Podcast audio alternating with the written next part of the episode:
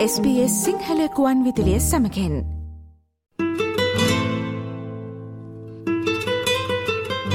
සවන් පත් අතර නින්නාද දෙන කැංගරු දේශයෙන් ඇසෙනා සිහල මියවුරු සරය. මගේ ගීතය. මගේ ගීතය. SBS සිංහලකුවන් විතුලිය ඔස්ට්‍රලියාවේ වෙසෙන ගීපද රචකයෙන් ගායකීන් සහ සංගීතඥයන්ගේ ස්වීය සප්තස්වර පබැදුම් ඔබ හමුවට ගෙනේන මාසික විශේෂාන්ගය මගේ ගීතය. මගේ ගීතය. මගේ ගීතය. එමනම් අපි මෙම සිත් සම්බන්ධ වෙනවා මගේ ගීතය අපේ විශේෂාන්ගෙන් ඔස්ට්‍රේලියාවෙන් බිහිවුණු අපූරුවතම සිංහල ගීත නිර්මාණයක් පිළිබඳව කතා බහ කරන්න. මේක ටිකක් අලුත් පන්නේට අලුත් ආකාරයට විශේෂයෙන්ම මේ මියසික් වීඩියෝ පැත්තෙන් බැලුවොත් අපේ තාරුණ්‍යය කැමති ගීත පිළිබඳව ගත්තතින් අන් ඒ පාර්ශවයට වඩාත්ම බරවුණු ගීතයක්. තරුණෙක් අතින් නිර්මාණය වුණු ගීතයක් තවත් තරුණු පිරිසක් එකතු වෙලා තියෙනවා මේ ගීතයේ නිර්මාණය කරණය පසු පස. ඉතින් අපි කතා බහක් කරමු. අපිට යන්න වෙනවා සිද්ධිනුවරට. අපිට හමු වෙන්නේ අනු තෝරදැනියව. අයිබෝන් අනු අයිබෝවන් අයිබෝන් දිරුක්ෂි නිතම්බේ කියන මේ ගීතය දැන් මේ වෙනකොට නිර්මාණය වෙලා මාස හතරක් විතර වගේ කාලයක් වෙනවා. YouTube නාලිකාවට මේ ගීතය ඔබ මේ වෙනකොට ඇතුළත් කරලා තියෙනවා. විශාල ප්‍රේක්ෂක ආකර්ෂණයක් දිනාගන්නට සමත් වෙලා තියෙන ගීතයක් වගට අපිට සාක්ෂි දරන්නට පුළුවන් YouTube එකේ නම් ගිහිල්ලා බැලුවහම කොහොමරි මේ ගීතේ නිර්මාණය පසුපස තියෙන කතාව පිළිබඳව ඔබෙන් දැනගන්න අපි සූදානම් වෙන්නේ. කොහොමද මේ ගීතේ නිර්මාණය වෙන්නේ? අනු දැන් මේක ඔබේ පළවෙනි ගීතය. ඔව් පළවෙනිම දිල්රුක්ෂි බොහොම ස්තුතියි SBS රේඩියෝ එකට මාව සම්බන්ධ කර ගැනීම ගැන. ඇත්තටම මේ ගීතය නිර්මාණය වෙන්නේ මේකේ ක්‍රෙඩිට් එක ඇත්තටම යන්න ඕනේ ඩොන් ෂර්මන්ට ඩොන් ෂර්මන් ඇත්තටම මීට අවුරුදු එකමාරක වගේ ඉඳලා මගේ යාළුවෙක්. ඉතින් එයා තමා මාව පුෂ් කරේ මම අපි ඔය නිකන් සින්දු කියනවා හම්බුනාම. ඉතින් එනකොට එයා මට කිව්වා අනු ඔයාගේම ගීතයක් අපි කරමු. ඉතින් එයාම මට මේ ගීතය ලියලා දුන්නා. ලියලා දුන්නට පස්සේ මේ මම කතා කර අපේ ප්‍රියන්ත නාවලකයට එයා තමා මියුසික් කරේ. මියුසික් කළා. සාමාන්‍යයෙන් මේ අවුරුද්දේ පෙබරවාරි වගේ වෙද්දී අපි ඕඩියෝ එක කම්ප්ලීට් කරා. ඊට පස්සේ තමා ඕඩියෝ කම්ප්ලීට් කරාට පස්සේ තමා මම හිතුවේ මේකට හොඳ මියුසික් වීඩියෝ එකක් කරන්න ඕනේ. මොකද මම ඉන්නේ සිඩ්නි ඉතින් ලංකාවට යන්න වෙලාවක් නැහැ. ඉතින් මේ සිඩ්නිම ඉන්න කට්ටියව අරගෙන ඒ කියන්නේ මේ ෆොරිනර්ස්ලා අරගෙන හිටපු ගර්ල්ස්ලා ඔයා දකින්න ඇති. ඉතින් ඒ වගේම මේ හිටිය හොඳ මියසික් වීඩියෝ කරන ඇත්තරම හොඳ මල්ලි කෙනෙක් මගේ හොඳ යාළුවෙක්. ඉතින් එයාගේ නම ඉශාර එයත් එක්ක එකතු වෙලා තමයි මම මේ මියුසික් වීඩියෝ එක කරේ. හොඳයි අනු. දැන් එතකොට මේ ඔබේ පළවෙනි ගීතය විදිහට මේ වගේ මේ තාරුණ්‍යයට බර ගීතයක් ටිකක් මේකේ අපි ගත්තොතින් එහෙම රැප් සංගීතය තියෙනවා මියසික් වීඩියෝ එක දිහා බැලුවාම මේක මේ අලුත් පරපුරට ගැලපෙන විදිහට වීඩියෝ එකක් නිර්මාණය වෙලා තියෙන්නේ. දැන් මේ හැම දෙයක්ම අලුත් පරපුර ආකර්ෂණය කර ගැනීම උදෙසා ඒ පැත්තට බර වුණු නිර්මාණයක් විදිහට තමයි අපිට හඳුනා ගන්න පුළුවන්කමක් තියෙන්නේ. අනු දැන් ඒ ඒ ඒ පැත්තට බර වෙන්නේ ඇයි ඔබේ පළවෙනි ගීත නිර්මාණය බිහි වෙන්නේ? ඔබ ඒ ඒ ඒ විදිහ නිර්මාණයක් කරන්නද බලාපොරොත්තු වෙන්නේ පසුනේ? ඔව්. දිල්රුක්ෂි මෙහෙමයි. ඇත්තටම මම මම මම ආසා මම කැමති නෑ ඔය නිකන් ස්ලෝ සින්දු වලට. මම අහගෙන ඉන්න කැමති නමුත් මගේ ඇඟේම තියෙන මට ඕනේ ටිකක් අර නටන්න පුළුවන් ගීත ඒ කියන්නේ අර 6 8 පැත්ත බර වුණ ගීත වල තමයි මම කැමති. ඉතින් ඒ වගේම මේක තමයි ලංකාවේ මේ වගේ සින්දු තමයි ලංකාවේ දැන් ට්‍රෙන්ඩ් එක යන්නේ. ඉතින් මම ඒවා ගැන පොඩි අධ්‍යයනයක් කරලා ඉතින් මම ප්‍රියන්තට කිව්වා මට මේ සින්දුව මියුසික් එක හදලා දෙන්න ඒ විදිහට කියලා. මොකද අපි දැන් යන පැත්තට අපි සින්දුවක් කියන්න බෑ මොකද මේක මගේ පළවෙනි ගීතය ඉතින් මේ පළවෙනි ගීතය මට හිතුණා මේ වගේ කරන්න ඕන කියලා. මොකද මම ආස නිසා ඇත්තටම. මම ආසයි මේ වගේ කියන්නේ දැන් අපි පාටියක් වෙලා පොඩ්ඩක් නටන්න පුළුවන් ගීතයක් වගේ ගීතයකට මම කැමතියි. ඒක නිසායි මේක ඒ විදිහට කරේ. ඕ අපි දන්නවා තාරුණ්‍යයේ ගීත නිර්මාණ බොහෝ විට මේ රිද්මයත් සමග තියෙන්නේ. ඒ අදහස් වෙන්නේ සියලුම ගීත නිර්මාණ හිමයි කියලා. හැබැයි බහුතරයක් ගීත නිර්මාණයේ විදිහ තමයි. දැන් දැන් අනුගේ සංගීත පසුබිම පිළිබඳවත් මම ටිකක් කතා බහ කරන්න කැමතියි. ඔබ මේ සංගීතය වෘත්තීයව හදාරන කෙනෙක්ද නැත්නම් ඔබ නිකන් මේ විනෝදයට වගේ කරපු වැඩක්ද? නෑ නෑ මම වෘත්තීය වශයෙන් කවදාවත් සංගීතය හදාarලා නෑ. දිල්රුක්ෂි මම මේක ඇත්තටම විනෝදයට මම කරේ. නමුත් මම සංගීත ඉගෙනගෙන තියෙනවා මම ඕ ලෙවල් කරනකම් මම සංගීතේ මට D එකක් තියෙනවා. ඊට පස්සේ ඇත්තටම මගේ සංගීතය මගේ අතින් අතහැරුණා. නමුත් ඉතින් මම ඔය පාටියක් වෙලාවේදී පොඩි කැරෝකේ සින්දුවක් කියලෙවල පොඩි විනෝදයට කී කී ඉඳලා ඉතින් මේක ඇත්තටම විනෝදයට කරපු සින්දුවක්. දැන් ඔබ කියන්න මේ ගීතයෙන් මේ ඔබේ නිතඹේ දිලෙන කෝඩුකාර ඇරයුම කියලා දැන් අපි දන්නවනේ අනෝ දැන් ඔය නිතඹ නේරිය ඕවගේ වචන තියෙනකොට අපිට මතක් වෙන්නේ මේ බොහොම සාම්ප්‍රදායික ගෑනු ළමෙක්. එතකොට සාම්ප්‍රදායික ස්වරූපයක්. නමුත් ඔබේ වීඩියෝ පටේ නම් ඒට හාත්පසින්ම වෙනස්. ඇත්තටම කියනවා නම් ඔබ යොදාගෙන තියෙන්නේ මේ ඔසී ගර්ල්ස්ලා ඔබ යොදාගෙන තියෙන්නේ. මේ ඕස්ට්‍රේලියානු ජාතික ගෑනු ළමයි යොදාගෙන තියෙන්නේ. දැන් එතන වෙනසක් කරන්න හිතුවේ ඇයි? ඕ මං ඇත්තටම වෙනසක් කරන්න හිතුණා. මොකද අපේ අපේ සංගීතය අපේ වචන තිබ්බට අපේ නිතඹේ වගේ සාම්ප්‍රදායික වචන තිබ්බට ඉතින් මට හිතුණා ඉතින් මේගොල්ලොන්ටත් තියෙන නිතඹනේ. ඉතින් ඒක නිසා මම මේ ඉන්න ගර්ල්ස්ලව දාලා මම පොඩි අමුතු දෙයක් කරන්න ඇත්තටම බැලුවේ. ඉතින් මට ඇත්තටම කියන්න සතුටුයි දිල්රොක්ෂි මේ මගේ පළවෙනි ගීතය. අනිත් එක මම ගායකයෙකුත් නෙමෙයි මම මේ විනෝදයට කරපු දෙයක් නිසා. ඒක uh, YouTube වල 650 ඒ කියන්නේ 650k uh, බල්ලා තියෙනවා මේ වෙනකොට. එකන මගේ පළවෙනි ගීතයට මට ඇත්තටම සතුටුයි. ඔව් මාස හතරක් වගේ කාලයක් ඇතුළත 6 ලක්ෂ 50 327 දෙනෙක් ඔබගේ views විදිහට මේ වෙනකොට පෙන්වනවා YouTube එකේ. එතකොට අනෝ දැන් පළවෙනි පියවර ඔබ තැබුවා. අහම්බෙන් හෝ විනෝදයට හෝ කුමක් හෝ කරුණක් සඳහා. මෙතනින් එහාට ඔබේ ගමන කොහොමද?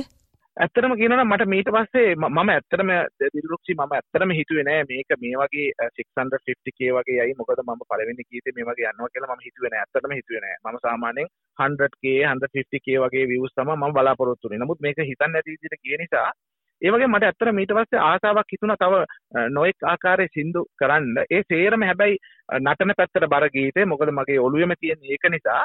නමුත් මම දැනට සින්දු තුනක් නිර්මාණය කරලා තියෙනවා. තව සින්දු දෙකක් නිර්මාණය කරමින් පවතිනවා. ඒ ගීත මම රූපගත කරන්න ඉන්නේ ලංකාවේ ඉන්න කෙන හොඳ ඩිරෙක්ටර්ස්ලත් එක්ක. මොකද මට ආසයි ලංකාවේ ඉන්න ගර්ල්ස්ලා දාලා ලංකාවේ ඉන්න අපේ ඉන්න හොඳ ඩාන්සින් කරන ටීම් ඉන්නවා. ඒ කට්ටිය දාලා කරන්න තමයි බලාපොරොත්තු වෙන්නේ. හොඳයි අනු අප සතුටට පත් වෙනවා. ඇත්තටම සිඩ්නි වල සිටින අපේ තරුණයෙක්. මේ සංගීත දිවිය බොහොම අහම්බෙන් හෝ ඔහු ආරම්භ කල්ලා තියෙනවා අනෝ තෝරදනිය අනෝ තෝරදනයගේ පළවෙනි ගීත නිර්මාණය නිතඹේ මේ අලුත් ආරයට නිර්මාණයෝඩු මේ රැප් සංගීතය ඇතුළත් මේ ගීතය පිළිබඳවයි අපි අද දවසේදී කතා බහ කළේ අනුත් එක්ක අනු තෝරදනයගේ මේ ගීතයට රැප් කොටස ඉදිරිපත් කරන්නට දොන් ෂර්මන් සම්බන්ධ වෙනවා. ඒ විතරක් නෙමෙයි දොන් ෂර්මන් තමයි මේ ගීතය රචනා කළා තියෙන්නේ. ඉතින් අපි බලාපොරොත්තු වෙනවා දොන් ෂර්මන් එක්කත් කෙටියෙන් හෝ කතා බහක නියැලෙන්නට. එම නමනු බොහොම ස්තුතියි SBS සිංහල සේවයේ මගේ ගීතයේ මේ විශේෂාංගයට කතා බහ කරන්න සම්බන්ධ වුණාට. ඕ ඒ වගේම බොහොම ස්තුතියි දිරුක්ෂි මට ආරාධනා කිරීම පිළිබඳව මේ SBS එකට. ඉතින් බොහොමත් ස්තුතියි. ඔබට සුබ පතනවා අපි ඔබගේ අනාගත සංගීත දිවිය සාර්ථක වෙන්න කියලා. ඕකේ thank you දිරුක්ෂි. දැන් අනුත් එක්ක කතා බහ කළාට පස්සේ අපි කිව්ව විදිහට දැන් මේ ගීතයේ ගීපද රචකයා ඩොන් ෂර්මන් එක්ක තමයි කතා බහ කරන්න සූදානම්ෙන් සිටින්නේ. ෂර්මන් අයිබෝන්. අයිබෝන් අයිබෝන්. කොහොමද සබසනිබ හොඳයි හොඳයි හොඳින් ඉන්නවා. ෂර්මන් අපි ආව සාමාන්‍යයෙන් දන්නේ මේ සිංගින් ෂෙෆ් විදිහටනේ ඕස්ට්‍රේලියාවේ. එහෙමත් නැත්නම් මේ සින්දු කියන සූපවේදියා විදිහටනේ. දැන් සින්දු කියන ෂෙෆ් විටින් විට ගීපද රචනයේත් නියැලෙනවා. අපි දැන් මේ අද කතා බහ කරන ගීතය ඩොන් ෂර්මන්ගේ මට දැනගන්න ලැබෙන විදිහට ඔස්ට්‍රේලියාවට ආවට පස්සේ ලියපු පළවෙනි සින්දුව. මං හරිද ෂර්මන්? හරියට හරි. කොහොමද මේක ලියවෙන්නේ? මේ ගීතේ ලියන්න මට ඇත්තටම අදහසක් ආවේ අනුගේ ඉල්ලීමක් උඩ තමයි අනු මට කිව්වා සින්දුවක් ලියන්න ටිකක් වෙනස් විදිහකට කියලා ඉවරලා. ඉතින් එහෙම ලියද්දී අලුත් ට්‍රෙන්ඩ් එක දැන් යන වචන මාලාව දැන් යන රිද්ම් එක දැන් සහ මේ ජනතාව අතරට යන වචන එකක් එක්ක තමයි වචන කීපයක් එක්ක තමයි මම මේ ගීතය ලියන්න ආරම්භ කරේ. දැන් අනු කිව්වා ඔයා හුඟක් දුරට අනුව දිරිමත් කළා කියලා මේ සාකච්ඡාවේදී කොහොම හරි මේ ගීතයක් නිර්මාණය කරන්න සම්බන්ධ වෙන්න කියලා. ඉතින් ඒ දිරිගැන්වීම ඔබෙන් ලැබීමත් ඉතාමත්ම අගේ කොට සැලකිය යුතුයි. මොකද ඔබ මේ වෙනකොටත් ගීත ගායනය ආරම්භ කළා තියෙන්නේ. ගීපද රචනය ඔබ ලංකාවේදීත් සිදු කළා තියෙනවා. දැන් මෙහෙට ආවට පස්සේ මේ ගීතය තාරුණ්‍යයට මේ සමීප ආකාරයට ඔබ ලියලා තියෙනවා. අපි දකිනවා මේකට රැප් කොටසකුත් ඇතුළත් වෙනවා ඔබ තමයි ඉදිරිපත් කරන්නේ. දැන් ෂර්මන් ඒ කාර්යතාවය කොහොමද සිදු වුනේ? රැප් එක ඔබෙන් සිදු වෙනවා, ගීපද රචනය සිදු වෙනවා, ඊට පස්සේ අනුව දිරිමත් කරනවා මේ ගීතය කරන්න කියලා. කොහොම හරි ඔබේ ලොකු මේ දායකත්වයක් තියෙනවා මේ ගීත නිර්මාණයේ පසුපස. අපි කැමති මේ රැප් කොටස සහ ඔබේ ගීපද රචනය සම්බන්ධව තවදුරටත් කරුණු දැනගන්න. ඔව් ගීපද රචනය නිර්මාණය කරේ මෙලඩියකට නෙමෙයි. ඉස්සෙල්ලම මම ගීතය ලිව්වා. ගීතය ලියලා ඉවරලා ඊට පස්සේ මම මේකේ තනුව නිර්මාණය කරපු ප්‍රියන්තනාවලගේට කිව්වා මේකට හොඳ තනුවක් නිර්මාණය කරන්න කියලා. ඒ කියන ගමන් කිව්වා මට ස්පේස් එකක් එමත් නැත්නම් ඉඩක් තියන්න රැප් එකක් දාන්න කියලා. ඊට පස්සේ තමයි මම රැප් එක ලිව්වේ. එයා මෙලඩි එක හදලා එව්වට පස්සේ. ඉතින් සාමාන්‍යයෙන් දැන් වර්තමාන කලාවේ ගීතයකට අලංකාරයක් දෙන්න පුළුවන් සිංහල ගීතවලට රැප් වලින්. ඇත්තටම මම සිංහල ගීතවලට රැප් එකතු කරේ 2000 මැද භාගයේ. ඉතින් ඒ කාලේ කරපු දේවල් එක්ක දැන් මට හිතුණා ආයේ දැන් වර්තමාන ප්‍රවණතාවයට අනුව යම් කිසි දෙයක් තවත් රැප් එකකින් ඉදිරිපත් කරන්න පුළුවන් නම් හොඳයි කියලා. ඉතින් ඒ නිසාම තමයි මේ ගීතයට මම රැප් එක එකතු කරේ ඒකත් එක්ක මේක තව ලස්සන වුණා කියලා ඉවරලා මම විශ්වාස කරනවා. දැන් ෂර්මන් ඔබගේ ඉදිරිපත් කිරීම හරිම ප්‍රාසංගිකයිනේ. ඔබ ඇතැම් වෙලාවට මේ ඌම් පිහුම් කරන ගමන් ගීත ඉදිරිපත් කරනවා. අපි මේ මෙල්බර්න් වල තියෙන බොහෝ උත්සවවලදී ප්‍රජා කටයුතු වලදී ඔබ මේ ඉදිරිපත් කිරීම සිදු කරනවා. ඔබ මේ ලංකාවේදී සිදු කළා මට මතකයි. නමුත් මෑතකදී නම් ඔබගේ එහෙම මේ ප්‍රාසංගිකව මේ ගීත ඉදිරිපත් කරන අවස්ථාවක් න අපිට දකින්න ලැබුණේ නැහැ. මේ ඔබ නිහඬ වෙලාද කියලාත් ප්‍රශ්නයක් එනවා. මොකද ඔබගේ ජීවිතය, ඔබගේ කලා ජීවිතය පිළිබඳව කතා බහ කරද්දී ඒ පැත්තෙන් තියෙන තොරතුරු. ඒක ඇත්ත වශයෙන්ම කියනවා නම් එහෙම මේ මෙහෙට ආපුවාම දැනට අවුරුදු 10ක විතර පදිංචි වෙලා ඉන්නේ ඕස්ට්‍රේලියාව නිසා කාර්යබහුලත්වය රැකියාව සහ පවුලේ වැඩ කටයුතු සහ එදිනෙදා කර්තව්‍යත් එක්ක නීලෙවිද්දී කලාවට තියෙන ඉඩකඩ තමයි ඇහිරිලා තියෙන්නේ. නමුත් හැකියාව මුදුන්පත් කරගන්න හැම වෙලෙම උත්සාහ කරනවා. ඒ නිසා මම පහුගිය මාර්තු මාසේ ගීතයක් ඉදිරිපත් කරා රසකාමිනී කියලා. ඒකේ වීඩියෝ එකකුත් කරා. ඒක ගොඩක් ලංකාවේ ටෙලිවිෂන් ඒ වගේම සෝෂල් මීඩියා වල හැමදැනම ප්‍රචාරය වුණා. ඉතින් ඒකත් එක්ක නැවතත් කලා ලෝකයට පොඩි පාතබීමක් කරා අවුරුදු ගානකට පස්සේ.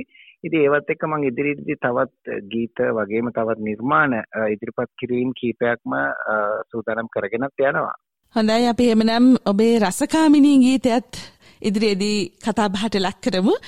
ඩොන් ෂර්මන් අද මේ අපි කතා බහ කරන නිතඹේ ගීතයේ ගීපද රචකයා ඒ වගේම රැප් ගායකයා විදිහට සම්බන්ධ වෙනවා ගීතයට. ෂර්මන් බොහොම ස්තුතියි අපේ SBS සිංහල සේවයේ මගේ ගීතයේ මේ විශේෂාංගයට කතා බහ කරන්න එකතු වුණාට ඔබේ ගීත ගැනත් අපි එහෙමනම් ඉදිරියේදී කතා බහ කරමු.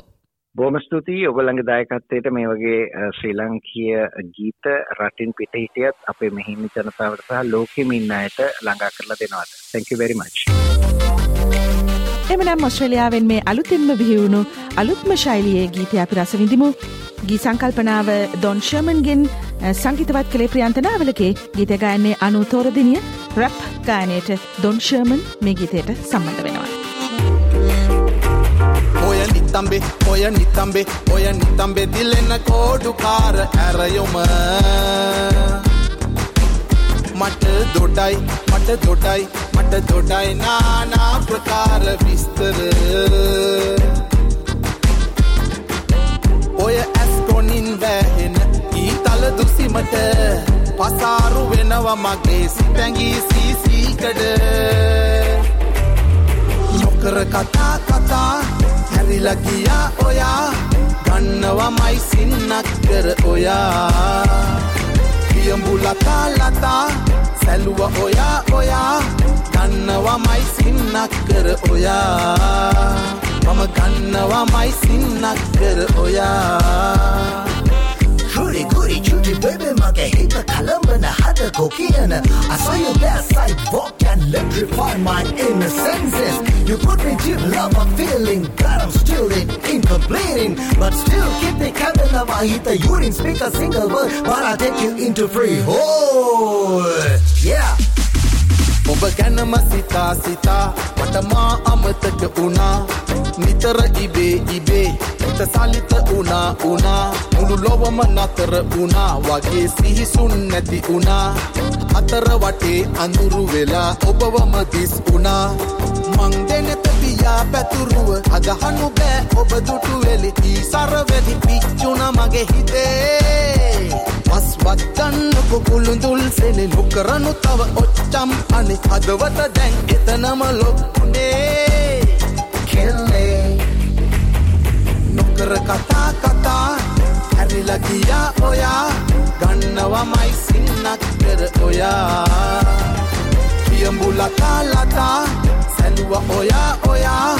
ගන්නවමයි සින්නක් කර ඔයා. මම ගන්නවමයි සින්නක් කර ඔයා. ඔය නිතම්බෙ දිල්ලෙන කෝඩුකාර ඇරයුම. මට දොඩයි නානා ප්‍රකාර විස්තර. ඔය ඇස් කොනින් වැහෙන ඊතල දුසිමට පසාරු වෙනවා මගේ සිතැඟී සීසීකඩ. නොකර කතා කතා කතා ඇරිලගියා ඔයා ඔයා ගන්නවමයි සින්නක් කර ඔයා. පියඹු ලතා ලතා ලතා සැලුව ඔයා ඔයා ඔයා ගන්නවමයි සින්නක් කර ඔයා.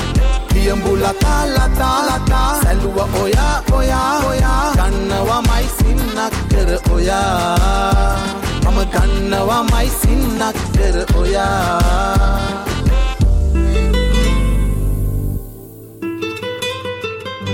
සවන් පත් අතර නින්නාද දෙන කැංගරු දේශයෙන් ඇසෙනා සිහල මියවුරු සරය. මගේ ගීතය. මගේ ගීතය ඔසේ දේශයෙන් බිහිවුණු තවත් අලුත් සිංහලගී නිර්මාණයක රසමිහිරමිදින්නට තවත් මාසයක අවසාන බ්‍රහස්පතින්දා අපි හමුයමු.